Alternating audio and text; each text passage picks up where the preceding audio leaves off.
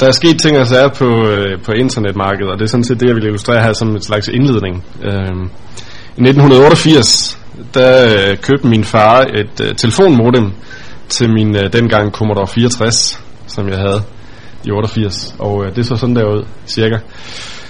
Øh, dengang der var der ikke noget, der hed øh, internet eller World Wide Web, men øh, der var nogle ting, der hed BBS'er, som var sådan en slags opslagstavler.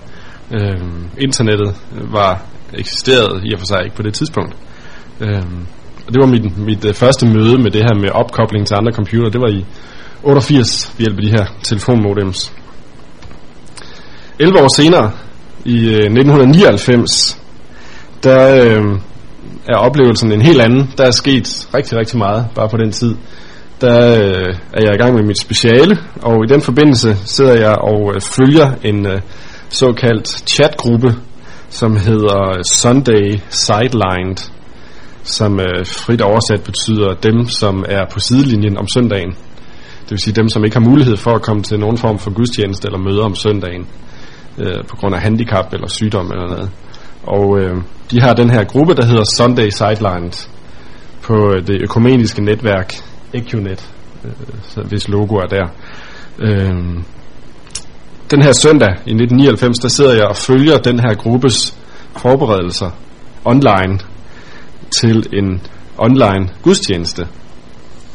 Og øh, der løber meddelelser ind på skærmen hele tiden med, at nu er den på, og nu er den logget på, og nu begynder de at, at forberede, at dagens tekst bliver sendt ud, og slutter så med, at der bliver udsendt en, en, øh, et, et uh, nadveritual også i slutningen af den her gudstjeneste, øh, hvor man så hjemme fra sin sygeseng øh, kan give nadveren til sig selv. Øh, så der er jo ikke sket noget siden 1988 hvor med øh, telefonmodene, og øh, hvor det tog en time at downloade bare en lille bitte fil, og så til 1999, hvor man kan sidde og for første gang følge med i en, en online gudstjeneste for folk, der ikke kan komme i kirke om søndagen. Og så frem til øh, sidste år, år 2004, øh, hvor der så kommer verdens første 3D-kirke, tredimensionelle kirke på nettet, som hedder Church of Fools. Church of Fools hedder den.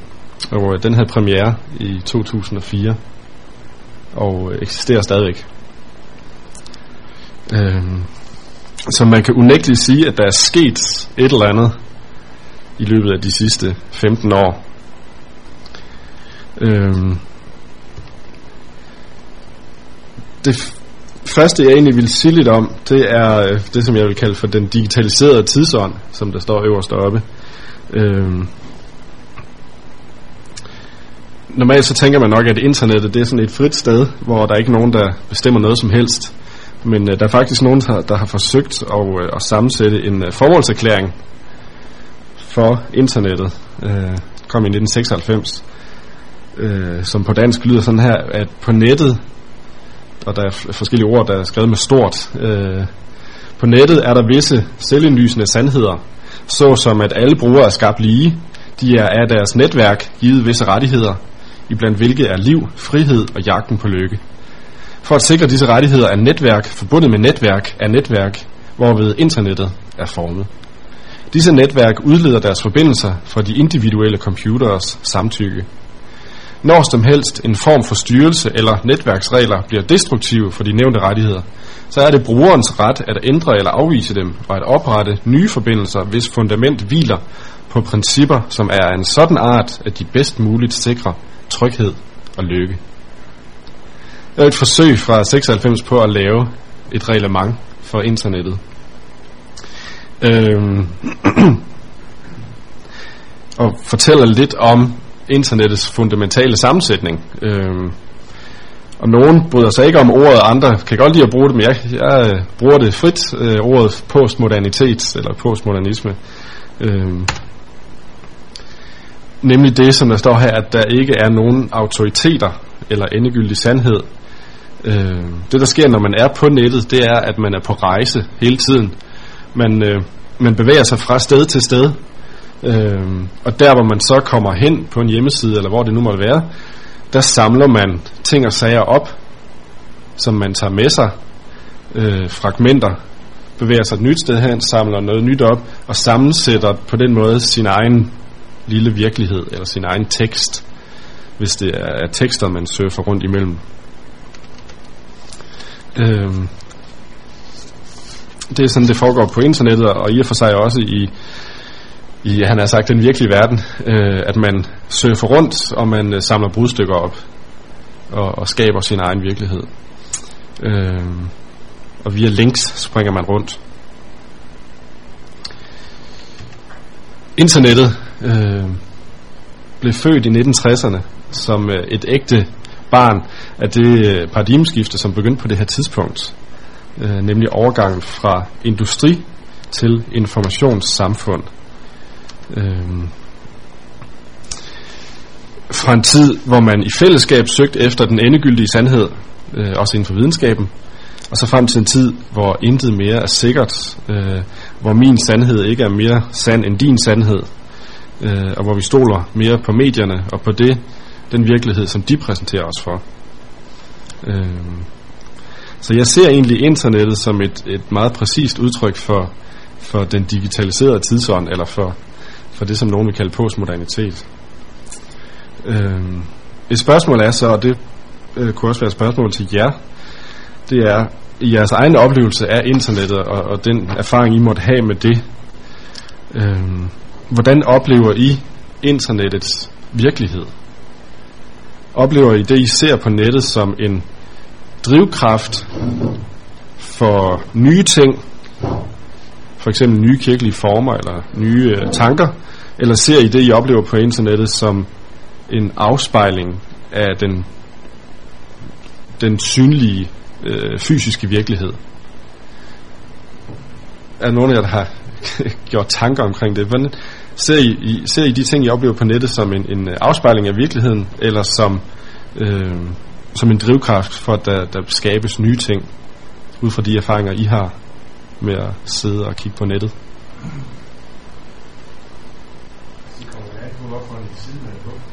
Ja. Fordi vi kommer lidt an på, hvad forudsætninger der er blevet sat op for en.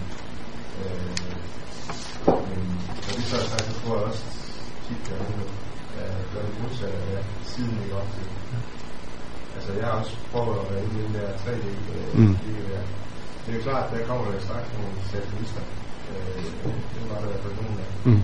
Øh, om de er det i virkeligheden, eller om øh, de bare er det, fordi nu er det lige sjovt at lege den rolle af, det synes jeg er lidt svært at gennemskue. Ja så skal man nok snakke længe med for at finde ud af det. Ja. Øh, men der er jo helt sikkert også været nogen, vil jeg tro, der er inde, som øh, kommer snak med, som meddeles af, i de selv mener, at det her det er et sted, hvor virkeligheden også er på en eller anden måde. Det, jeg synes, det er svært øh, at finde ud af. Mm. Ja.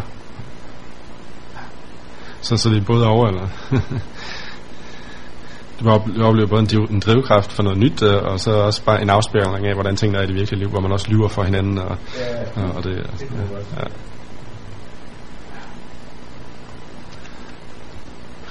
Øhm, man kan sige, drivkraft, lige der, drivkraft, sådan som jeg ser det øh, på nettet, det er blandt andet det, at, at øh, nye metoder og teknikker, som skabes specifikt på internettet eller til internettet, øh, oplever jeg, bliver slæbt med ind nu i kirkerummet eller gudstjenesterummet. Øh, folk øh, bruger forskellige ting på nettet, eller, eller har forskellige øh, former, øh, eller teknikker, og, og øh, det man oplever, det er, at de ting bliver taget med og brugt ind i for eksempel en, en øh, kirkelig sammenhæng i, i gudstjeneste eller øh, menighed. Øh, og I kender sikkert med... Øh, med sms-bønder og chatgudstjenester og flere andre ting, men også i det hele taget det, at internettet er interaktivt, at det foregår som en dialog, øh, at folk vender sig til den form for, øh, for, for samvær, at det skal foregå i dialog, og også når, det, når der er tale om, om øh, oplæring, eller, at så skal det foregå øh, interaktivt. Øh. Så der vil sige, der er min oplevelse, at, at der er internettet en drivkraft til, at man tager de ting med sig, øh, og ønsker også, at det skal blive en virkelighed, øh, han har sagt, i det virkelige liv. Hvad afspejling angår, øh, her for nylig udkom øh, Morten Thomsen Højsgaards Ph.D. om øh, netværksreligion. Og øh, der skriver han blandt andet, øh, at, at han blev overrasket over ikke bare at finde maskiner, men mennesker og meget som lignede virkeligheden. Øh, fordi han ser, at internettet, udover det er noget særligt, så er det i og for sig også bare et spejl, hvor der læres en masse forskellige ting. Øh, og han kommer også selv ind på det der med, at det er en mosaik, man selv vælger, hvad for nogle tanker man vil tage med sig, og så kan man bare logge af. Øh, så han, øh, han har også lidt det samme med, at det både er en, en afspejling af virkeligheden, og så er det en drivkraft for nye ting, øh, som vi tager med os ind i vores fysiske fællesskaber. Asbjørn, du havde øh, på et tidspunkt noget, du ville sige? Ja, men det er også, altså, jeg tror også, hvis det er nok jo også lidt som en afspejling, men, men vel at mærke som en afspejling, der, der, der for, hvad skal man sige, fremhæver ekstremerne eller tilspidser tingene. Fordi mange af de filter, som vores virkelige verden er, er, er som vi bruger vores relationer i den virkelige verden, de er jo mere eller mindre ikke Ja. Bare det, til en anden øjne, det, det, Mm. gør jo at vi holder os lidt tilbage Ja. Det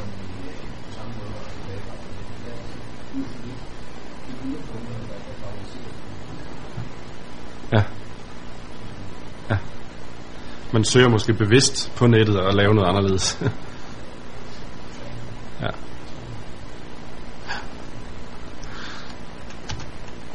Øhm, jeg vil godt sige noget vedrørende øh, fællesskab, øh, som øh, prim, noget, af, noget af det, jeg primært har, har beskæftiget mig med vedrørende internettet. Øh, det med, med fællesskab øh, online og i den virkelige verden. Øh, og også noget, noget om, hvad internettet har lært mig, både som teolog og også som, som, øh, som øh, forkynder omkring interaktivitet. Det at være interaktiv i sin måde at, at kommunikere på. Øh, og der har jeg taget de her to citater med øh, af Jens Ole Christensen fra DBI og Jørgen Henrik Olsen. Øh, hvor Jens Ole blandt andet skriver det her med, at i internettets tidsalder bliver mennesker interaktive. De vil have plads til at bidrage og reagere. Det er der i den nuværende liturgi en begrænset mulighed for at gøre i salmer og bønder. Det er ikke nok. Mange efterlyser samtalen og det nære fællesskab. Og så Jørgen Henrik, øh, der skriver, Tiden stiller krav om samtale, mere samtale. Prædiken, jeg vil tale med dig. Nutidens mennesker er helt afhængige af samtalen. Her møder de op med deres liv. Her kan de meddele deres uro og sikkerhed og usikkerhed. Øhm, noget af det, som Jens Ole han blandt andet skriver i, i det citat, det er jo sådan set, at kravet, eller det øgede krav om interaktivitet og deltagelse, også i en, i en kirkesammenhæng, øh, til dels skyldes fremkomsten af internettet og den kommunikationsform, som der er der. Øh, internettet er et samtaleforum, hvor man kan interagere med hinanden. Øh, og derfor er det jo også, at der er mange, der finder, at internettet for dem er et godt sted at have fællesskab. Øh, det, som er specielt ved de øh, digitale medier, som vi omgiver os med, det er, at de er interaktive. Det vil sige, at de opfordrer ikke bare til, at man passivt sidder stille, det vil sige, at man konsumerer, men at man interagerer og at man producerer. Øhm, de digitale medier, de sammensmelter en række øh, uafhængige medier, for eksempel billede og lyd og tekst, og kan på grund af den digitale teknologi skabe nye fællesskaber, for eksempel på internettet, og øh, de kan aktivere brugerne af mediet. Øh, I stedet for at man er passiv, så er man aktiv del i det. Øh, og ved at være det, som man, man populært kalder historiefortællere, ved at man brugerne selv er med til at skabe den her historie, som de er en del af, når de bruger de her medier. For eksempel det, at man, øh, det ligner lidt de gammeldags rollespilsbøger, hvor man selv vælger, om man vil gå til side 10 eller til side 400, og så derefter selv, selv vælger sin egen historie. Det samme sker egentlig på internettet og via de digitale medier som sådan. Du kan surfe rundt, du kan klikke rundt, skabe din egen historie, øh, og selv være med til at skabe noget, i stedet for bare at sidde passivt og lytte på. Øh, og det er, er en, en udfordring fra mediernes side, eller fra de mediers side, øh, ind i den, den øh, eksisterende kirkelige øh, form, vil jeg sige. Og en udfordring, som jeg synes er, er fantastisk spændende. Øh, omkring interaktivitet, og hvad, hvad øh, internettet og hvad de digitale medier som sådan kan lære os som kirkefolk omkring formidling og kommunikation. Og I må endelig afbryde, hvis der er...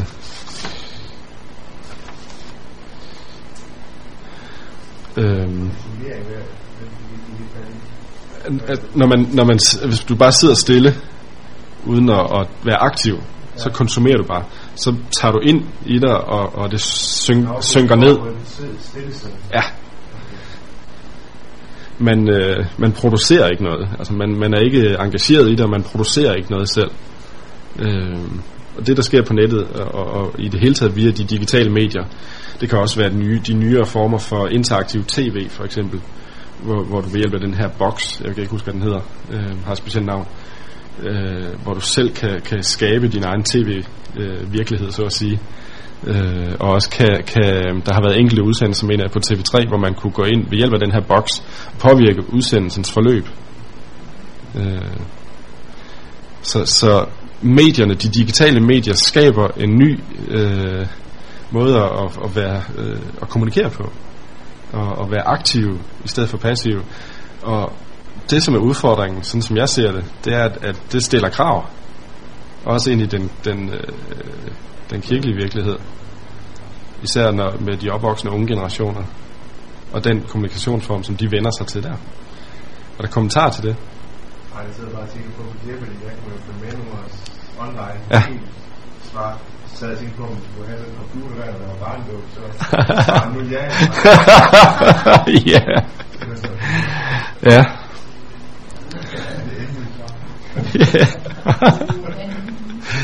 ja, vær med til at vælge navnet.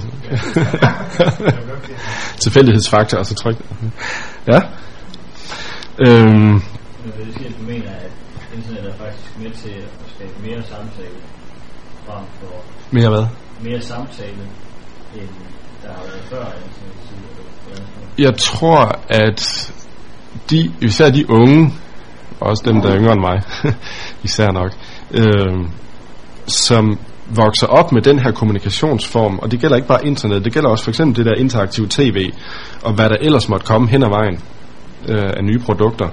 Øh, de vender sig til den kommunikationsform og indlæringsform også, og læreform. Det er også den måde, de forventer, vil jeg tro, at, at øh, oplæringen skal foregå. At de selv er med til at skabe det. Øh, om det er godt eller skidt, det er sådan set ikke det, jeg tager stilling til. Øh, men, men jeg tror, det er et faktum. Og det synes jeg stiller os som blandt andet som forkyndere i en interessant situation, hvor man var overveje, jamen, øh, hvad skal vi tage ved lære af det? Eller skal vi tage ved lære af det? Fordi det er en forholdsvis ny trend. øhm, men det afspejles faktisk, hvis man tager til blandt andet til USA i, og, og besøger nogle af de nyere øh, forkyndelseskonferencer, for eksempel i Willow Creek eller andre steder, jamen, øh, så, øh, så er temaet på dagsordenen, og man begynder at snakke om det også i stedet for at skrive en prædiken, så skaber man en oplevelse. Man skaber en øh, dialog, hvor, øh, hvor det som forkynderen og teamet bag forkynderen har lagt op til, egentlig ikke er en forkyndelse, der varer x antal minutter, men man har lagt op til en oplevelse, hvor alle, der er der, så vidt muligt er med i det, og selv skaber resultatet i sidste ende. Og som sagt, jeg lægger ikke op til, hvorvidt det er godt eller skidt, men nævner det som et faktum. Jeg tænker på det der med, hvor meget fællesskab det giver via internet. Det må også afhænge meget af, hvordan man bruger internet. Altså, man, det er klart, det afhænger af, hvorvidt man udnytter det. Ja. Ja.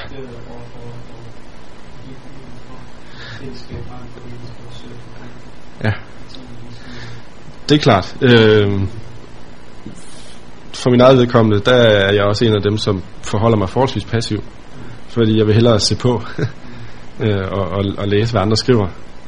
Øh, og så måske en gang imellem Der synes er jeg, det er negativt, hvis det så ligesom bliver på bekostning af og, og ja, mødes med mennesker ansigt til ansigt Ja. og, og have nogle meningsfulde øh, aktiviteter i gang.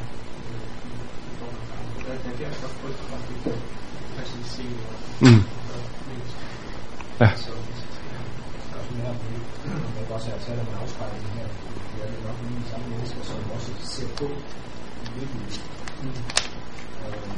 Så det er lige det er mere spørgsmål, hvor man er socialt I hvert fald har det jo vist sig, at, at øh, det har man været undersøgt for de mennesker, som har ikke fungerer socialt netværk i livet, de har sådan været på det område. Det er ikke sådan, at folk, der er meget sociale i livet, skal passe med. Ja. Ja, der, er- der er en klar afspejling der. Ja. Ja. Jo, altså hvis Selvom en undersøgelse viser det, fordi at hvis det er, at man ikke... Øh, altså, de mennesker, der er meget aktive på det, ja, det sker ikke på bekostning af deres sociale liv. det er, De er også meget sociale i i resten af livet. Og de folk, som måske har plads i den til sig. mm. Mm. Men alligevel må der være forskel på, hvis man er hvis man er en gennemsnitlig hverdag, at man lettere kan komme til på nettet. Fordi der er der ikke nogen, der nødvendigvis ser det.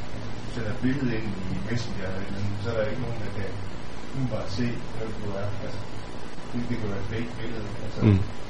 øh, Ja. så, så, så, at problemet er så, at så begynder man skabe sig en rolle på nettet, Mm. som man ikke kan leve op til, når man er i Mm. virkeligheden. Men, men det er jo faktisk også en af problematikkerne, du tager fat i der. Det er netop med, med det med, at, at mange bruger faktisk nettet til at skabe en rolle. En ting er deres såkaldt virkelige liv, og en anden ting er den rolle, de så opbygger sig på nettet. At de, øh, de går ind i en rolle, og, og, og påtager sig den rolle, og, og, lever den, og nogen øh, lever den så ekstremt ud, så de har den her særlige identitet på nettet, som når de er på nettet, jamen, så er det den identitet, de er. Og når de er af nettet, så er de bare sig selv. Øh, Ja. det gør vi også. Jamen, det gør vi jo. Ja. Der folk, de, er, sig selv. Ja. Behøver ikke at spille den rolle, som, som Ja. Ja. Ja, det var faktisk meget at gøre med, altså det har med at gøre med, at, gøre med at, at vi hver især har forskellige hatter at tage på. Ikke? Altså jeg har en farhat, jeg har en ægtefællehat, og jeg har en, en underviserhat, og jeg har en forkynderhat, og jeg har dit og datten. Forskellige hatte på. Ikke? Ja. ja. Øhm, jeg går ud fra, at nogle af jer har hørt om det, der her Barna Research, øh, som er sådan et kristent analyseinstitut i USA.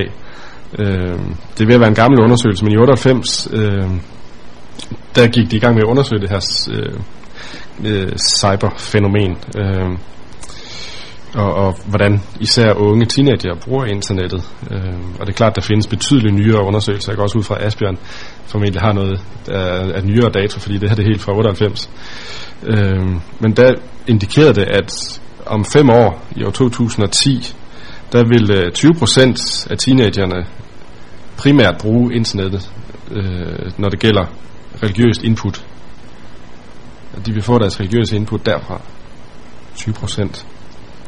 Øhm, og det spørgsmål, som, som, som kommer ud af det, det er jo sådan set ikke, hvorvidt det, de så får på internettet, for, for eksempel via en cyberkirke, eller hvad det måtte være, om det er ægte. Øhm, men spørgsmålet er snarere, hvad, hvad kirken har tænkt sig at gøre med de her mange unge menneskers vej væk fra den fysiske kirke. Øhm, altså ikke hvorvidt at det de så får på nettet, om det er ægte, men hvad vi gør ved det, ved, ved dem der går væk. Øh, og, og der ser jeg der blandt andet Jesus Net øh, hjemmesiden som, som et forsøg også på at nå nogle af de mennesker øh, og flere andre øh, projekter også lignende som forsøg på at, at sige, hvad gør vi med alle de der unge Øhm, vedrørende cyberkirker og det her fantastiske begreb cyberkirker, Øh, der har jeg lyst til at introducere jer for den, den første, der kom af slagsen. Den hedder øh, First Church of Cyberspace. Øh, den eksisterer stadigvæk og, og er stadigvæk aktiv, og der er masser af mennesker, der bruger den. Øh, øh, selvom det var den, den første af slagsen helt tilbage i 1995, kom den. Det var en øh, præst, der hed Charles Henderson, øh, som lavede First Church of Cyberspace. Øh, han er presbyterianer. Og grunden til, at han lavede den, det var, at ud af cirka 2,7 millioner presbyterianere, der er der kun en ud af 10, der kommer i en menighed. Og øh, det er så de ni manglende, han gerne vil have fat i på den her måde. Øh, ikke for at skabe en kirke på nettet, som skal afløse eller, eller, sta, eller erstatte den virkelige fysiske kirke. Men det er helt klart, at, at når man spørger ham, Charles Henderson her, som har lavet den her kirke på nettet, så er det at være med i, i et online fællesskab, eller en chatgruppe, eller hvad det måtte være, det er lige så virkeligt for dem, som at mødes i en fysisk kirke. Øhm. Og det, det øh, billede, som jeg har her, det er faktisk øh, et, et af de, øh, hvad skal man sige, lidt specielle interaktive elementer fra hjemmesiden First Church of Cyberspace. Det er deres øh, meditationsrum. Øh, meditationsrum, hvor man øh, kommer ind på det her, den her side, og så er der de her ikoner, man kan sidde og meditere over, og så er der den her evigt brændende flamme i midten. Øh, og nederst er der, øh, det skal forestille nogle brød. Så det er sådan et, et meditationsrum, man kommer ind i. Øh, og man kan så ved et klik på musen ændre på de billeder, så de både flytter sig og også øh, kommer nogle andre billeder. Øh, så det er hans forsøg på at lave sådan et online meditationsrum. Øh, andre steder findes der jo hjemmesider, hvor man kan gå ind og tænde et virtuelt lys osv. Og øh, jeg har da en kammerat, som benytter sig af det næsten dagligt. øh, som går ind på en hjemmeside og, og tænder et virtuelt lys og beder en bøn på den måde der. Øh, klikker på øh, en tegning af et lys, og så kommer der en flamme. Så det bliver brugt seriøst. Hvad siger du? Det tror jeg ikke, man skal, nej. øhm, så det her det er faktisk taget direkte fra den hjemmeside. Øh, man kan sidde og kigge på det der, og sidde og meditere. Øhm, det som ham her Charles Henderson, han siger, det er, at der er visse klare fordele ved at have kirke på nettet. Fordi i den fysiske kirke, der er gudstjenesten ofte centreret omkring en person, som taler til en passiv menighed. På internettet, der er der den her dynamik, som vi har snakket om indtil nu. Øh, fordi der er interaktivitet. Han siger blandt andet, øh, som der står deroppe nu, at der er ingen chefer her, bortset fra en ordstyre, som sørger for, at folk ikke ødelægger samtalen. Øh, og det er øh, det, den, det vigtigste aktiv for dem, som bruger nettet øh, seriøst til, til cyberkirke, det er interaktiviteten. Jævnfør de citater af Jens Ole Christensen og, og Jørgen Henrik. Øh, fordi her der brug, har de fundet den type, eller den genre af kirke, som de altid har ønsket sig. Øh, og det samme det gælder også øh, billedet jeg viste jer før Det her så et andet billede fra den Det samme det gælder for den her Church of Fools 3D animerede øh, kirke øh, Hvor det også er interaktiviteten og så det at den er økumenisk øh, Der tiltrækker folk øh, Du sagde du havde været inde på den Har du prøvet at være til nogen deres gudstjenester? Nej, så skal du være der på Ja, så skal man være der søndag formiddag ja. ja. Nej, det er nemlig det. det der er du i kirke. ja. Øhm, men, men fordi jeg der ikke har set den, øh, den hedder Church of Fools prik kom. Øh, kan man gå ind og se den der. Og øh, hvad hedder det? Øh, der, der kan man blive guidet rundt i kirken, man kan gå frit rundt i den, og man kan aktivt deltage i forskellige ting, i bøn op ved alderet, eller øh, nadveruddeling, og man kan på et bestemt tidspunkt søndag formiddag sætte sig lade sin figur sætte sig ned og lytte eller læse en prædiken øh, af en, en forudbestilt præst. Øh, og det er et meget seriøst projekt, som er, er støttet af, af, jeg mener, den anglikanske kirke, der har støttet det med millionbeløb. Øh, så det er, et af de, det, det er et af de nyeste og absolut mest seriøse projekter inden for det der. Og det her, det er så, hvad hedder Warden, det her kirketjeneren.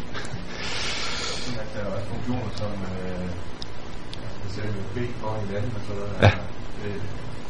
Mm. Når man er gået i gang med snakken med en, så får man sådan en altså, lidt ligesom Sims. Ja, ja, præcis. Computerspil Sims, ja. Ja, og hvor man jo også rent faktisk kan blive smidt ud af den kirke der. Hvis man opfører sig usømmeligt med, med den figur, man har til at gå, gå rundt på skærmen, så kan man blive smidt ud af ham der. så øh, der er kirketugs. på trods af det, denne. Nej. øhm, skal jeg se en gang. Den her interaktivitet fra øhm, fra de, de digitale medier, både fra internettet og fra øh, det interaktive tv og alt det vi har. Det, det er interaktiviteten, der har muliggjort de her såkaldte virtuelle fællesskaber. Øh, der er mange, der, er meget, der som helt selvfølgeligt anvender internettet til dialog og til fællesskab. Og som der også er en, der har sagt det, som står på skærmen nu, jeg kan ofte blive mundlam i det virkelige liv, men jeg bliver aldrig fingerlam på internettet. Det er faktisk en stor sandhed, øh, som, som, øh, som også gælder de personer, som man vil sige, at der er passive. De, øh, de bruger stadigvæk internettet, og de bruger internettet som, som deres sted. Øh, og, og selvom de eventuelt måtte være mundlarme i det virkelige liv, så sidder fingrene løst på tastaturet. Øh, interaktivitet, dialog og det her tværkulturelle globale fællesskab, det gør internettet til mange menneskers foretrukne legeplads. Øh, set i lyset af den åbenlyse mangel på selv samme ting i det virkelige liv, i hvert fald sådan som mange oplever det. Øh, jeg giver to eksempler, hvor at øh, det virtuelle fællesskab faktisk har været øh, livsvigtigt for nogle mennesker og reddet liv. Øh, det første, det er fra borgerkrigen i Jugoslavien. Øhm, der blev der oprettet det såkaldte Samir Transnational Net, og øh, Samir, det betyder for fred. Netværket for fred. Øhm, og man kan læse deres baggrundshistorie på den lidt indviklede netadresse, der står der. Det her netværk via computer gjorde det muligt for borgere i Jugoslavien at kommunikere med hinanden under krigen. Telefonlinjerne de var stort set ødelagt, og øh, de tilbageblevende øh, telefonlinjer de var overbelastede, og fjernsyn og radiosendelser de var fuldstændig styret af regeringen, og gav derfor ikke nogen pålidelige informationer om, øh, om krigens begivenheder. Og derfor så oprettede man det her system øh, til at støtte kommunikationen via de omkringliggende lande omkring Jugoslavien, som stadigvæk havde gode øh, telefonforbindelser, ind til en række byer i eks-Jugoslavien. Øhm, og folk kunne så bruge e-mail, de kunne tilmelde sig di- diskussionsgrupper, øh, de kunne få adgang til livsvigtige informationer. Og så havde det her netværk så også en åbning ud til selve internettet. Øhm, blandt andet kvinder fra forskellige dele af det tidligere Jugoslavien, de lavede deres egen lille diskussionsgruppe via systemet, hvor de sammen talte om fred og konfliktløsning, og om hvordan de kunne genopbygge samfundet, alt imens deres ægtefæller var i krig. Øhm, opretholdelse og genopbyggelse af samfundsfællesskabet blev et af de vigtigste mål for det her projekt Samir. Øh, og vigtigst af alt var det, at det her netværk ikke kunne kontrolleres af nogen af de nye regeringer. Øhm, det som Samir Transnational Net fra krigen i Jugoslavien viser, det er, at de såkaldte virtuelle fællesskaber og de virkelige fysiske fællesskaber faktisk ikke udelukker hinanden. De komplementerer hinanden, støtter hinanden. Og at det, at man laver et virtuelt fællesskab, faktisk kan få stor indflydelse på de fysiske fællesskaber det er det her Samir med til at vise. Et sidste eksempel, inden vi holder pause, det er, at det er øh, netværket The Well, brønden, øh, som for rigtig, rigtig mange mennesker er blevet deres andet hjem, hvor man forventer hjælp, og man forventer omsorg. Og det, som blandt andet er afgørende her på det her netværk, det er anonymiteten. Det er, at man kan være anonym. Øh, og det gælder faktisk også for de kirkelige hjemmesider. For eksempel når det handler om sjælesorg. Øhm, internettet er velegnet til samtaler om tro og åndelige spørgsmål. Fordi på internettet, der finder brugerne den samme anonymitet og dermed sikkerhedsfølelse, som er typisk for den katolske kirkes skriftestol, men uden dens autoritære fremtræden. Internettet er velegnet til samtaler om tro og samtaler, der gælder sjælesorg, fordi at folk her finder anonymiteten, sikkerhedsfølelsen, som de kender, eller som man kender fra skriftestolen, men uden den autoritære fremtræden. Det er det, der gør forskellen. Og derfor er, har internettet vist sig velegnet til sjælesorg.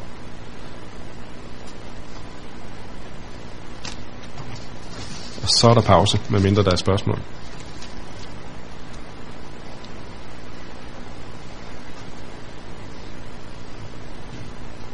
Er sat en del frugt frem og småkager og kaffe og te.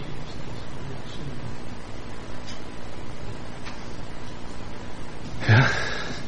Jeg vil egentlig godt tage, tage op vedrørende det er også noget af det, som du har stået og snakket om nu her med, vedrørende det at være med i sådan noget fællesskaber og, og det med at for, forpligte sig på at skrive noget for at kunne være med i, i sådan et fællesskab. Øhm, en, en lidt en definition af, hvad det er, der gør sådan et fællesskab, online fællesskab, anderledes eller reelt. Øhm, nu nævnte jeg tidligere det, der hedder EQNet, som er sådan et øh, tværkirkeligt amerikansk netværk, kæmpe stort netværk.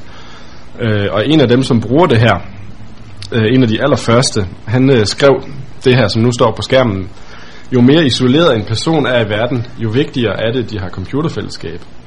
Via Ecunet kan en ensom præst i et fjernt missionsområde være i daglig, kærlig og hjælpsom kontakt med støttende venner over hele verden.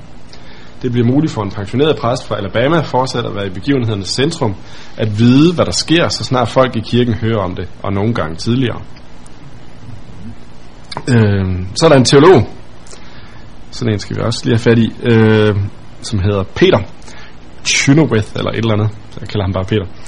Han beskriver øh, i et andet citat de nødvendige forudsætninger, som må være til stede, før en sådan et internetnetværk kan kaldes et ægte fællesskab. Og han skriver sådan her. Der er visse normer, som jeg mener bidrager til oplevelsen af fællesskab. Der synes altid at være et vist pres for at skrive. Man tæller med andre ord ikke rigtig med, hvis ikke man skriver til møderne. Det kan jeg til en vis grad godt forstå. Hvordan kan nogen vide, at man er der, medmindre man skriver noget? Min pointe er, at det er dem, der skriver noget i dette medie, der bliver lagt mærke til. Hvad er det for en slags fællesskab, hvor kun visse medlemmer bliver bemærket?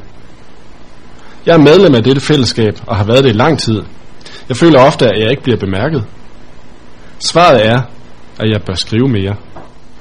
Hvis jeg skrev mere, men hvis jeg skrev mere, så ville jeg ikke udtrykke mig som det fællesskabsmedlem, jeg er. Jeg ville tage en maske på, opfinde en personlighed. Så det han, han øh, udtrykker her, det er dels, det handler om at skrive noget, hvis det er et, et netfællesskab. Men samtidig på den anden side, så er han den, han er måske en introvert type, som, som ikke er typen, der skriver så meget, eller i det virkelige liv ikke siger så meget. Så, så, så hvis han skulle tvinges til at skrive meget, så ville han være nødt til at tage en maske på og være en anden, end den han faktisk er. Jo. Dem, der ikke siger så meget, de vil ikke så meget. Jo, det, er- det er en afspejling af virkeligheden. Ja. Forskellen er, at, at i det virkelige liv burde det jo gerne være sådan, at hvis man er i en menighedssammenhæng, at, der, at man så lægger mærke til dem, der ikke siger så meget. Og, og tager sig af dem på en eller anden måde.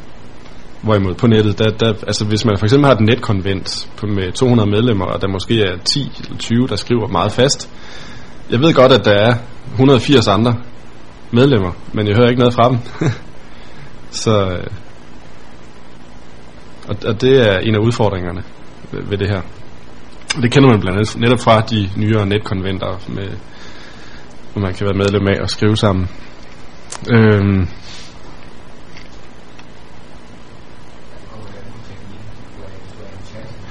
Ja.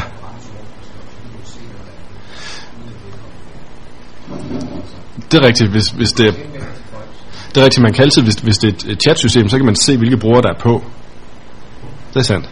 Øh, og hvis det er, er og hvis vi går udenom nettet og, og taler omkring konferencesystemer og alt det her, som, som der bliver brugt mere og mere, så kan man jo se dem, der sidder på den anden side af skærmen. Jo. Øh, har I, I har set de nyeste? Altså det nyeste er jo det der med, hvor man, hvor man sidder med et, ved et bord, som er oppe mod en væg. Og inden af væggen er der en skærm. Øh, og det du ser på skærmen, det er dem, som sidder et andet sted, måske et andet land, som tilsvarende også sidder ved et bord op mod en væg. Og når du ser dem, så ser det ud som om de sidder lige ved siden af dig. Og du taler faktisk til dem via skærmen, som om de sad ved siden af dig. Den eneste forskel er, at hvis du gør sådan her, så kan du ikke give dem hånden. Men det er så virkeligt, så, så det føles som om, de sidder lige der ved siden af dig. Det er de nye konferencesystemer, der er lavet. Jeg har set dem i funktion også. Det er lidt skræmmende faktisk. Men meget, meget, meget effektivt, det er det. Fordi du, du kan holde nogle møder øh, og, og spare nogle penge. To organisationer, som ligger i Vestland. Ja. hvis de har det samme konferencesystem.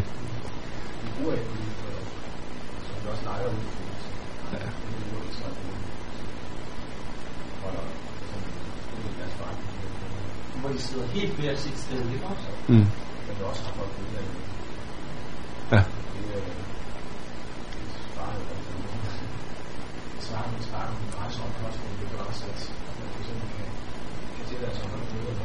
Ja. Mm. Ja. Ja. Og altså, du kender, I kender jo telefonmøder. Øh, men, men forskellen er, at her har du øh, skriftligt vidensbyrd, han har sagt. Du har det på skrift, det der bliver sagt. Og, og, og kan gemme det.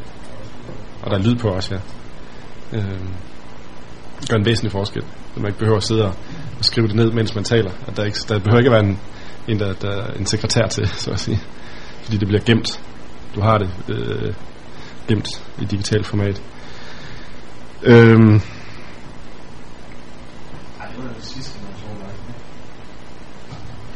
det ikke? Ikke, hvad med bruger vi group her? Ja. Øh, der, der kan du også gøre, der skriver du ikke, øh, der er for mig. Jeg kan se. Det er rent fjernsyn. Groupcare. Ja. Den del af Groupcare, jeg kender ikke til, det er kun tekst. Ah, okay. så, Ja. ja. Vi har brugt den, vi har haft øh, med webcamen, og vi har haft øh, konferencer på lyd, hvor vi taler lyder, og så også sætte og så de til optagelsen. Mm. Mm. Nej det har heller ikke lykkes mig at købe sådan et endnu. Så det Man kan få det. ja. ja. Øhm. En, en, øh, en nok så vigtig, vigtig pointe, det er, at internettet, som jeg sagde, har, har vist sig at være et godt supplement øh, til det, øh, hvad skal man sige, almindelige fysiske fællesskab. Og øh, en fyr, der hedder Kurt Byers, han øh, nævner i en artikel en række eksempler på tilfælde, hvor internettet har, ikke bare har vist sig at være formidler af et godt og til med sjælesørgisk fællesskab, øh, for eksempel ved en mand, hvis kone har forladt ham, men også situationer, hvor internettet er den eneste mulighed for et kristen fællesskab. Det kan for eksempel være en, øh, at man er den eneste kristne i et diktatorisk, øh, kristendomfjendsk øh, område, øh, eller at man er en person, der er bundet til sengen på grund af sygdom eller handicap. Øh, og som konkret eksempel, der nævner han, som jeg har skrevet der også, en øh, kvinde i Kina, øh, hvis menighed blev forbudt af politiet, og hendes eneste sande kristne fællesskab, udover hendes øh, personlige fællesskab med Gud selvfølgelig, det var det virtuelle. Det var den eneste måde, hun havde mulighed for at have nogen form for, for fællesskab. Øhm, ja. Og det han blandt andet vil med, med at fortælle de her ting, ham Kurt Weyer sig i den her artikel, det er dels at fortælle, at det virtuelle kirkeliv faktisk kan i nogle øh, tilfælde være tilstrækkeligt. Øh, en vis tid i hvert fald. Øh, han siger sådan her som en opsummering, at virtuelt fællesskab, som er en erstatning For fællesskab i en fysisk menighed er en fjende af sand åndelig sundhed. Hvorimod virtuelt fællesskab, som er et supplement til et, fælles, til et fysisk fællesskab, som i kritiske perioder kan være utilgængeligt, er den sande ven. Forskellen mellem øh, erstatning og supplement.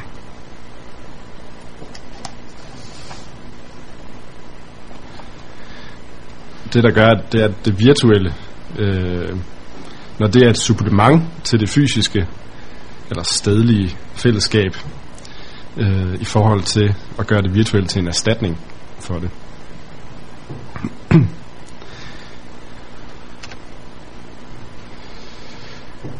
Lidt vedrørende en, øh, sådan en, en typisk cyberkirke-situation.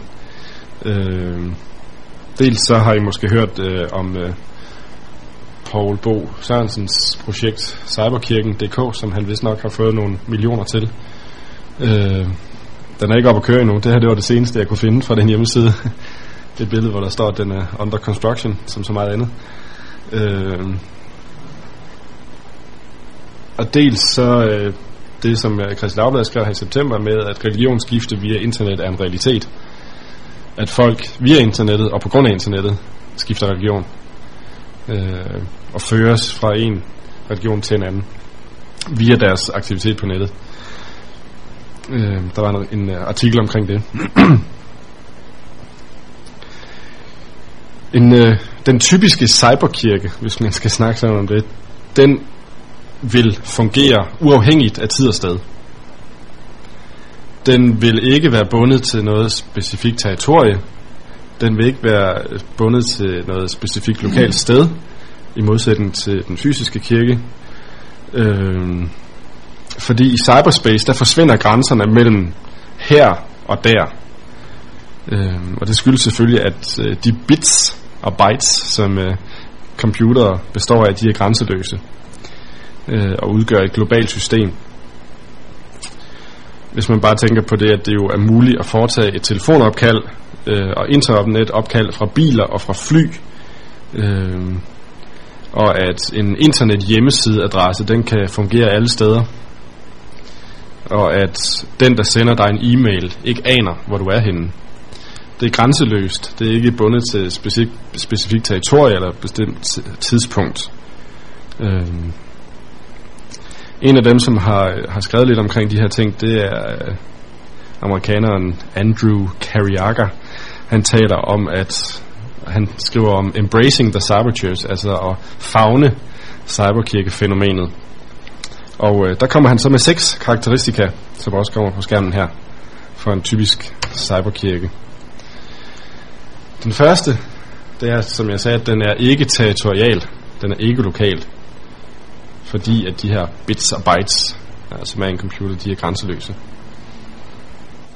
Det andet er, at den er interaktiv, ikke passiv, som jeg også har været inde på i den sidste time der.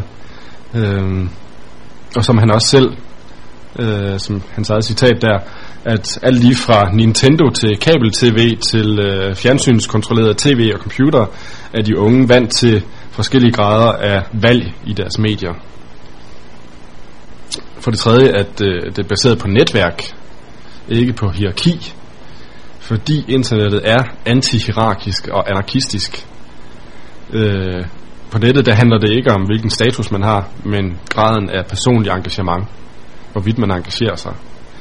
Øh, man kunne næsten kalde det sådan en digital udgave af alle troendes præstedømme.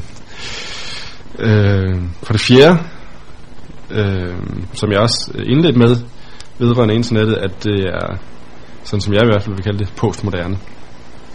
Og at barn er et paradigmeskift øh, fra 60'erne.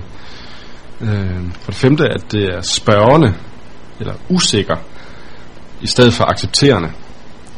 I modsætning til den selvsikre, den veletablerede hierarkiske institution, der har patent på sandheden, så øh, er man spørgende og usikker, og man er selv med til at producere øh, det resultat, man nu kommer frem til. For det sjette, den er samarbejdende, ikke isolerende. At man gør en fælles indsats via netværk. Øh, og selv i de tilfælde, hvor, hvor der er konfessionel uenighed eller andre ting, der bremser, Så der er internettet en mulighed for, at der alligevel kan samarbejdes omkring forskellige ting. Øh, og at forskellige konfessioner finder sammen omkring et fælles projekt via internettet, eller på grund af internettet. Og så for det sidste, at den er asynkron. Det vil sige, at den ikke er tidsbundet. At man øh, er uafhængig af tidszoner. Øh, og at kirke kan finde sted, så at sige, hvilket som helst tidspunkt på hvilket som helst sted. Der er ikke tilknyttet noget matrikelnummer. det er, er de øh, syv øh, punkter, eller den definition, øh, som den fyr, der hedder Andrew Carriaga, han kommer frem til, og som øh, der er mange, der finder jeg, der har taget udgangspunkt i, i en definition af det her kirke på nettet øh, fænomen. Hvordan ser du øh, altså de disciples muligheder i punkt 5 der? Mm. Ikke risiko for, ligesom, at det kan ske en bestemt? Hvilken en tager du? Femmeren? Ja. Øhm, jo, altså, som sagt, så det som jeg ikke selv tager stilling til i, i det, jeg siger her, det er, hvorvidt det er godt eller ej. Øh, det er mere op til samtalen her, vil jeg sige. Øh, men jo, personen mener her, at det er, er, er netop en af de ting, der er, er interessant på en farlig måde, han har sagt. Øh, at, at det er den her postmoderne trend med, at man skaber sin egen sandhed, og man skaber sin egen virkelighed, og man, man, øh, man er hele tiden åben, og det er hele tiden løse tråde. Øh, på den anden side, så er det positivt, fordi at det, det løser op for, for en eventuel hierarkisk tænkning. Og det, det løser op for, at nogle folk får lyst til at være aktive og deltagende, fordi de vil gerne være med i den her søgen, fælles, øh, han har disciplesøgen. Altså disciple, det er netop at være lærling, at man er på vej, og man lærer nye ting hele tiden, og gør det i fællesskab. Øh, og det er den positive side af det. Det er, at det engagerer nogle mennesker, som, som, som gerne vil, at det skal være på den måde der.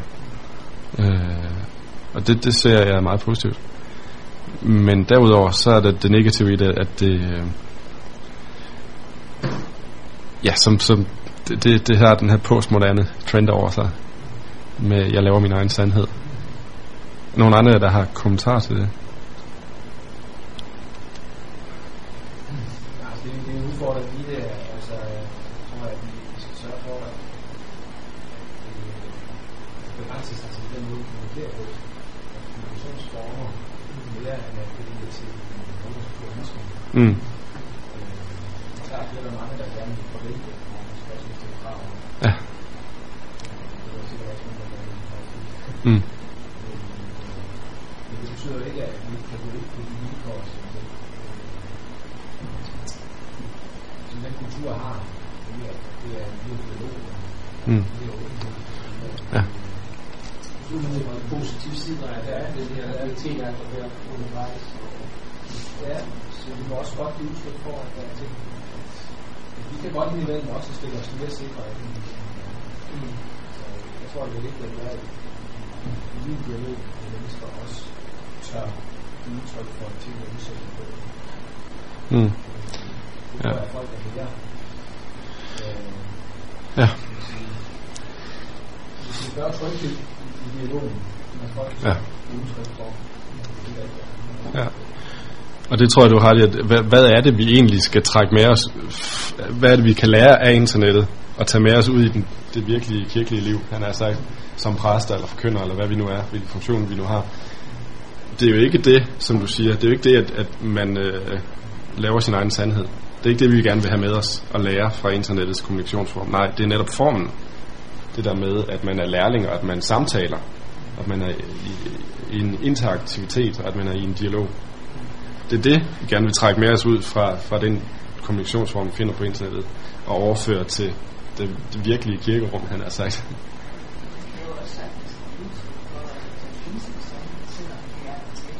Er er er. Ja, Øh, altså, det, det er jo bare forskellige måder at agere på. Altså, man kan selvfølgelig samle meget op faktisk.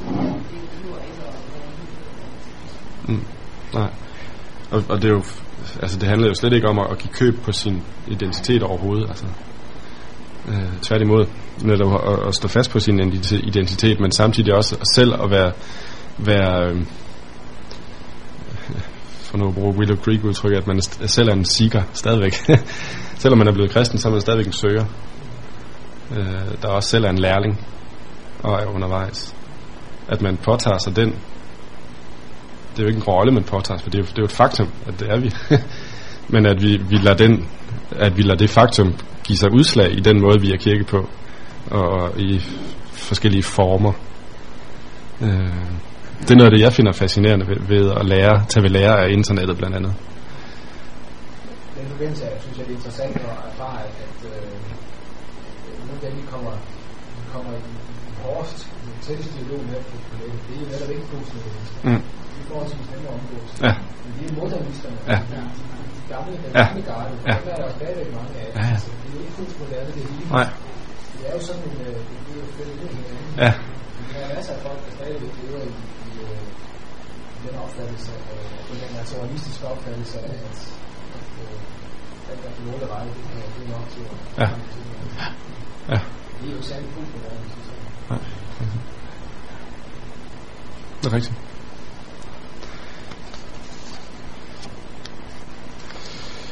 Øhm. Mhm. En ting, jeg blandt andet gerne vil øh, fokusere på nu her, øh, som det sidste, det er lidt omkring fremtiden. øh, hvad, hvad, øh, hvad vi kan forvente os, og, og hvad der er potentiale. Og også hvad, hvad kirken som sådan, hvad, hvad potentialet vil være særligt for brug af, af de her digitale medier. Øh, og snakke lidt om det. Øh, jeg går ud fra, at I kender, øh, nogle af jer i hvert fald kender begrebet weblog, eller en blog. Har jeg ret i det? At det er øh, en, øh, en form for internet dagbog, kan man kalde det. Øh, eller en logbog på nettet. Øh, man kan sige, det er faktisk blevet en et af, af målene. Jeg tror, det var den, jeg tror faktisk, det var den danske regering, der snakkede om, at alle danskere skulle have en hjemmeside som det ultimative. Øh, og det, det var sådan temmelig umuligt, men, men det har faktisk vist sig nu, at, at øh, måske er løsningen det er de her weblogs, eller blogs, som det hedder, fordi så utrolig mange mennesker går ind og opretter sådan en personlig øh, dagbog på nettet, og, og går i gang med at skrive om, om sig selv, og hvad de oplever, og så videre, og, og linker til hinanden, og læser hinandens dagbøger, og så videre, så videre. Øh, min egen, det er den der, rigsjensen.dk. Øh, så den trend er jeg også hoppet med på. øhm. en, øhm. en weblog, jeg prøvede at finde en, en uh, definition af det, jeg fandt den her. Jeg skriver sådan her, en weblog er en personlig side på nettet, som består af små tekststykker, der er ordnet efter dato, så det nyeste står øverst. Weblogs er altid stærkt personlige. Især journaltypen har fået en voldsom udbredelse siden slutningen af 1999. For bestyreren handler det om at præsentere tanker og refleksioner fra hverdagen. Dels for selv at få styr på dem, og dels for at tilbyde andre at gøre brug af dem. Om det vækker til eftertanke, diskussion eller måske latter, er i og for sig ikke så vigtigt. Pointen er, at det handler om at udtrykke sig. Man kan sige, at det, det er de der 15 minutters øh, berømthed, man får øh, via nettet. Webloggen er bygget op omkring link, eller linket, og når forskellige weblogs begynder at linke til hinanden, og specielt til hinandens indhold, så opstår der et fællesskab. Dette fællesskab er 100% netborget, og samlingen af weblogs er samtidig med til at skabe nettet som en stadig rullende samtale. Øhm, det er øh, den, jeg vil ikke sige den nyeste trends, men det er en af de trends, der, der kører for øjeblikket, det er at lave de her personlige dagbøger, hvor man let og elegant øh, kan hoppe ind på sin egen side og skrive, øh, nu har jeg oplevet det og det, eller jeg har lige været derhen og hey, jeg fandt lige en spændende hjemmeside, klik her og se den selv, eller, eller skrive en anmeldelse af en film, man lige har været inde og se og sådan noget. Øhm, og det utrolige er, at tusindvis af mennesker læser hinandens dagbøger. Og spørgsmålet er, hvorfor de gør det. øh, dem, der skriver dagbøgerne, jeg gør det også selv, øh, får de her 15 sekunders øh, øh, fame. øh, og dels så har man mulighed for også at komme med nogle tanker. Nogle, nogle af de her dagbøger er jo emne, emne øh, relateret. For eksempel jeg selv skriver meget omkring øh, forkyndelse og, og øh, kirkens fremtid. Øh, sådan så jeg ved, at mange af dem, der læser den hjemmeside, jamen det er fordi, de gerne vil læse noget om de ting der. Øh, men ellers så er der mange, der bare skriver om, i dag har jeg fodret min kat, og sådan nogle ting der. Og der er masser af mennesker, der læser hinandens dagbøger. Øh, spørgsmålet om det er sådan en eller anden form for iscenesættelse af sig selv. Øh, eller hvad det er, der egentlig foregår der. Er nogen af jer, der har, har læst nogle af de her weblogs? Har du en uh, selv, øh, Asbjørn? Nej. Han, har nogen af jer erfaring med at læse nogle af de her, hvor folk skriver dagbog?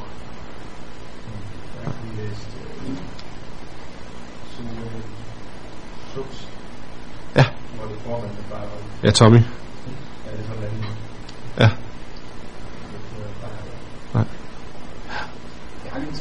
synes jeg, at blive.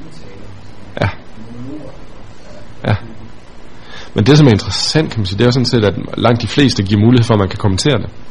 Man kan klikke, øh, og så skrive en kommentar til det, og så derigennem opstår der en lille samtale, igennem den øh, kommentarboks der.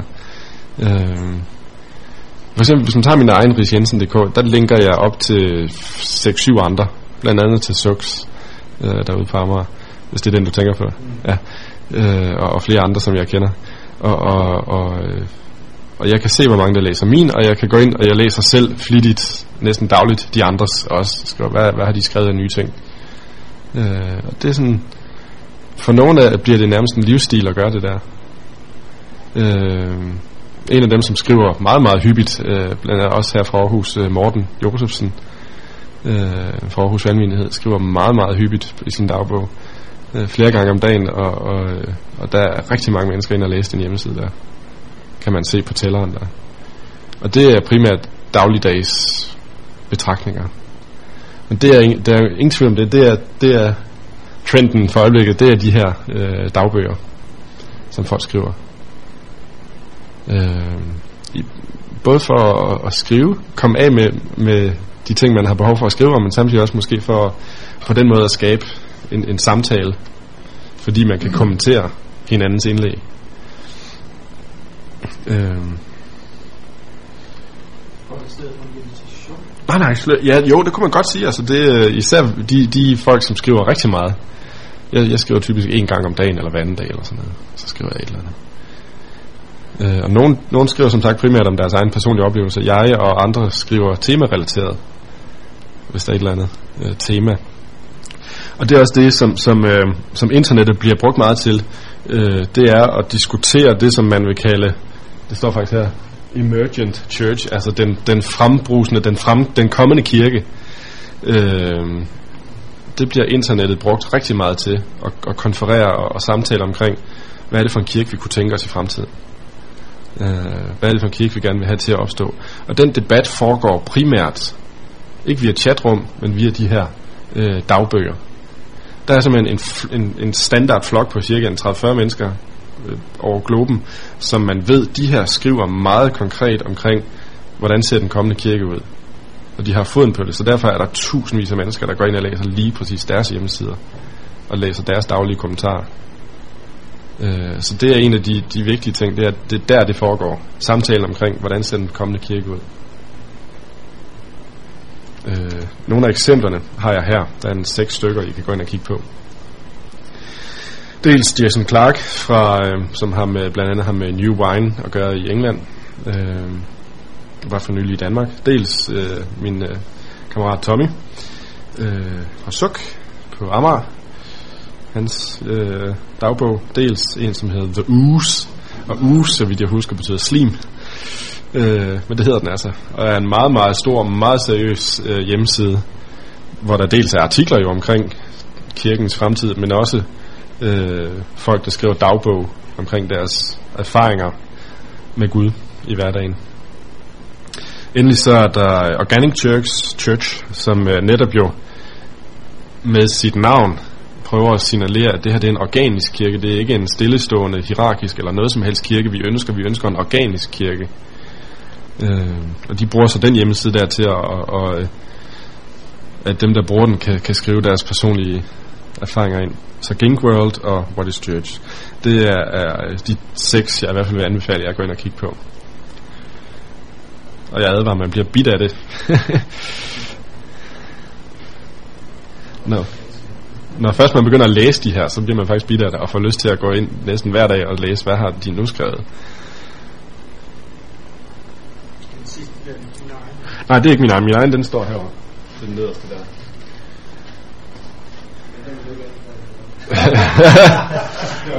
jeg er forbavset over, hvor mange... Jeg, jeg vil sige, jeg vil, jeg vil sige, jeg er forbavset over, hvor mange, der læser den. Det er jeg helt... Jamen altså dagligt, der er det øh, 30-40 stykker fast derinde og se den. Altså jeg skriver på dansk, så det sætter en vis begrænsning. Øh, og får henvendelser også via den. Så, øh, så det er meget godt. Det har jeg også, ja. Ja, det er der også. Det er der også. Jo, den anden, altså det, er- den anden her, det er min... Øh, i, I programmet for, for kurser, der stod der, at jeg er redaktør af den, der hedder Ecclesia.dk. Den eksisterer ikke mere. Øh, jeg, jeg lukkede den ned og har i stedet for startet den der op, som er en ressource for forkyndere, øh, hvor man dels kan finde andres prædikner, og dels kan lægge sine egne ud. Så, og den har indtil videre en 150 medlemmer, så det går meget godt. Så det var ren reklame. Undskyld. øhm, så det er, er en af de potentialer, der er lige for øjeblikket med nettet og med kirke og med kirketænkning osv. Det er de her dagbøger, weblogs. Øhm, den anden ting vil jeg næsten ikke, jeg vil ikke sige, hvad den er men, endnu, men stille jer spørgsmålet. Hvad tror I er, er et andet stort potentiale for kirkens øh, forhold til internet og brug af internet? Det er ikke noget, jeg skal sætte gæt på det. Må, I må, ud fra jeres eventuelle erfaringer. Hvad, hvad, hvad er potentialet nu og fremover, især for kirkens brug af internettet? Findes nu.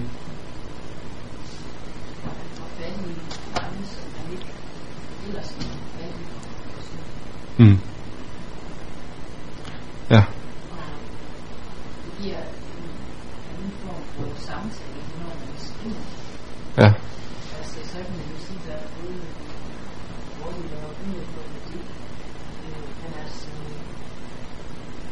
Bliver sagt, at man, man tør lidt mere, når man er det. Mm. Men der er også, øh, det måske, alt efter hvem er, men der er mere tid til at tænke efter, når man så skriver, og når man så læser. Mm. Ja. Altså, det giver, det kan i hvert fald give en god samtale. Mm. Her i, øh, i weekenden var jeg i Oslo til, øh, til nordisk træf for det, der hedder Wycliffe Bibeloversætter. Jeg ved ikke, om I kender til det. Øh, de arbejder netop med, med, øh, med bibeloversættelse. Øh, og, og, og i kampen for at gøre det så, så nemt som muligt globalt at arbejde med bibeloversættelse, især med alle de her mange små stammesprog, øh, der griber man jo netop til teknologien. Øh, og, øh, og det man har fundet der, og som vi blandt andet snakkede om på den konference her i weekenden, det var øh, brugen af online undervisning af, af kommende bibeloversættere og online undervisning øh, i det hele taget i øh, også i literacy og i, i sprog og så videre.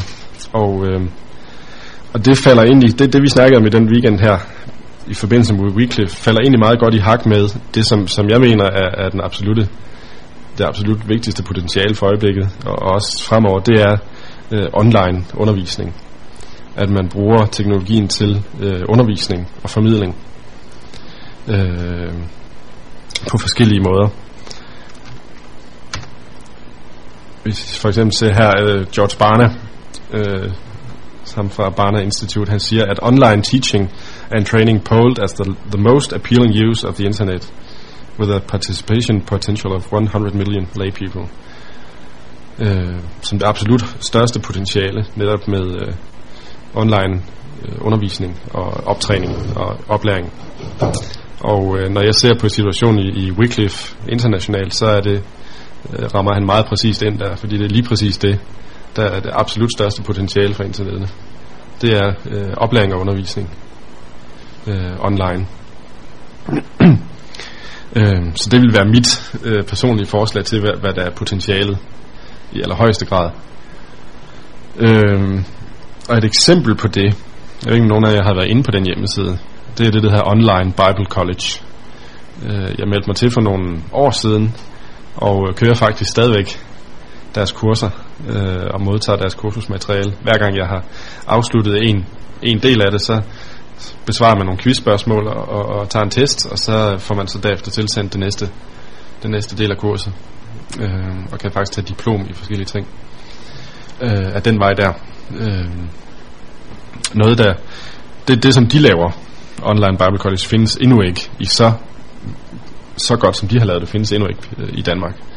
Øh, så vidt jeg ved i hvert fald. Øh, men noget af princippet i det er, som der også står nederst i citatet, at i industrialderen, der gik vi i skole, eller vi tog hen til skolen, hvorimod i kommunikationstidsalderen, der kommer skolen til os. Det er et af principperne, blandt andet bag det, der hedder Online Bible College. Og øh, det er gratis for øjeblikket faktisk. Indtil for nylig kostede det rigtig, rigtig mange penge at deltage. Så hvis I vil prøve det og se potentialet i online undervisning og oplæring, så skal I melde jer på det der. Og så bruge det et stykke tid at se det faktiske potentiale i det. Både hvad teologisk undervisning angår, men også øh, oplæring i literacy og, og, og tekst og sprog osv. Og, og generelt kristendomskundskab.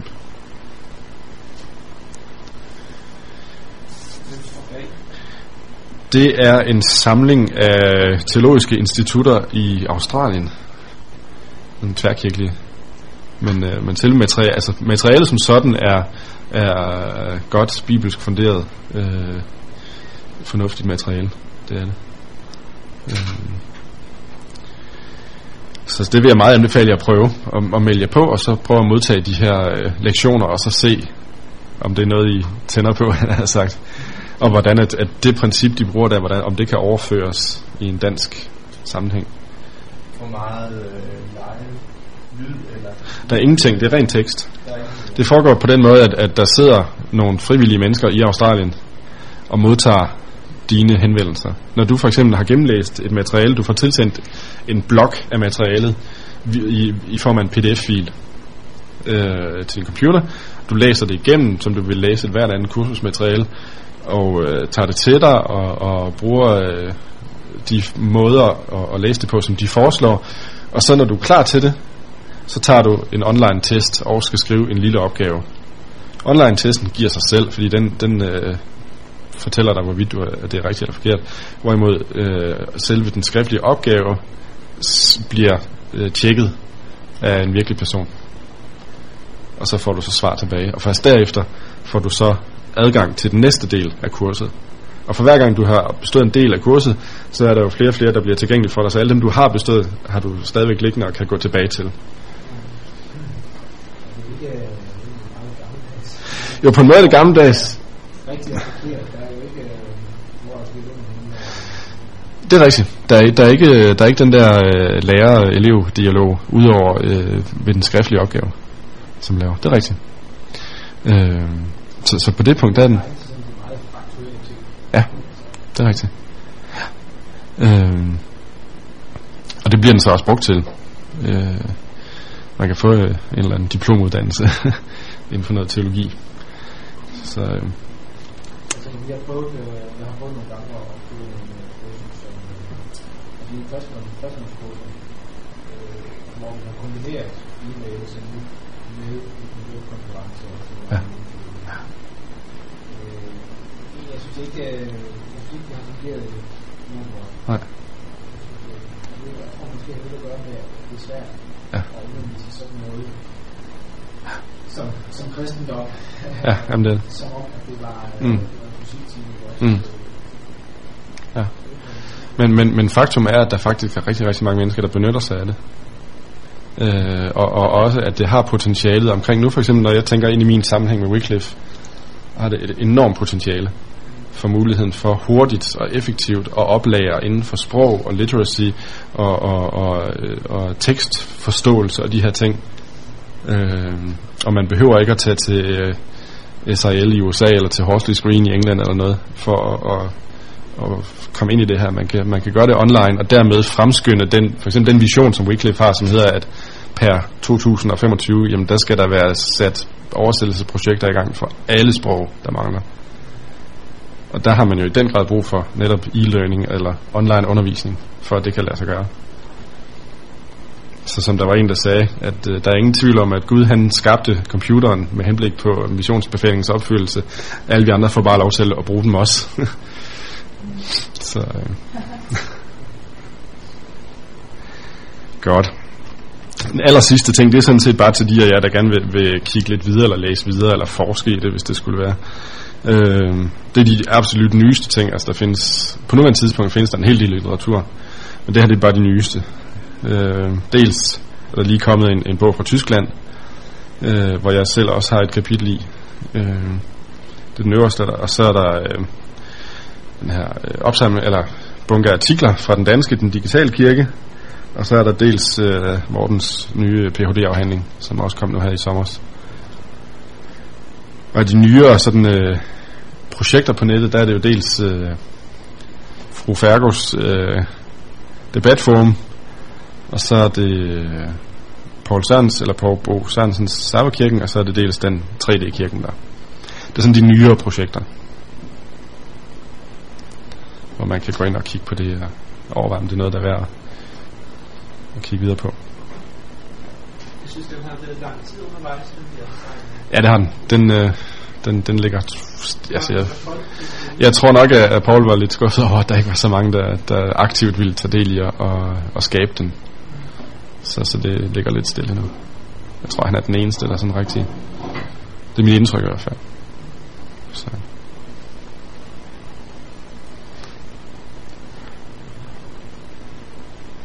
Ja. Så, øh, og I er selvfølgelig også velkommen til at kigge på de to hjemmesider på tavlen der.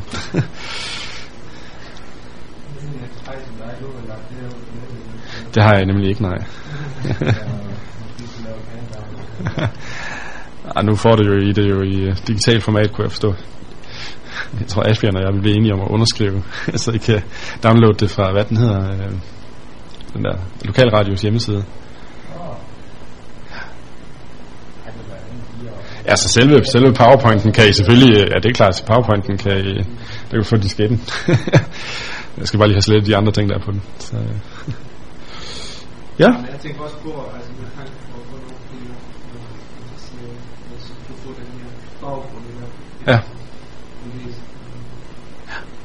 Altså de ting, som står her, de her kilder her er primært til, øh, det er ikke så meget til underholdning, det er mere til, til forskning faktisk, at gå ind og se, men øh, er det noget, der er værd at arbejde på rent forskningsmæssigt også. Øh.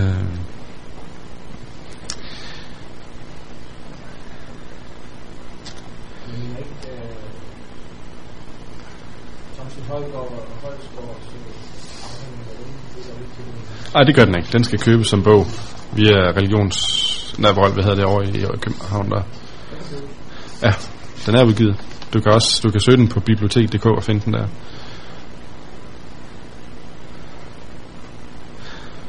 Men uh, ellers Asbjørn, kan vi sige til, til andre, at uh, vi kan lede op i næste gang og, og få udgivet af det ud.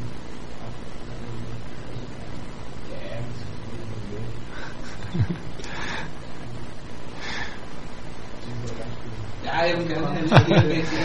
Ja, ja, Ja. Nej. Jeg vil sige, når, når, det handler om, når det handler om internet og cyberspace og alle de her ting, så er det sådan en lille niche, øh, som, som jeg også sagde til dig, det vil passe ind i en, i en større sammenhæng omkring generel kristen formidling og kommunikation. Hvis man havde et længere forløb omkring det, og så havde man så cyberspace som en niche ind i det.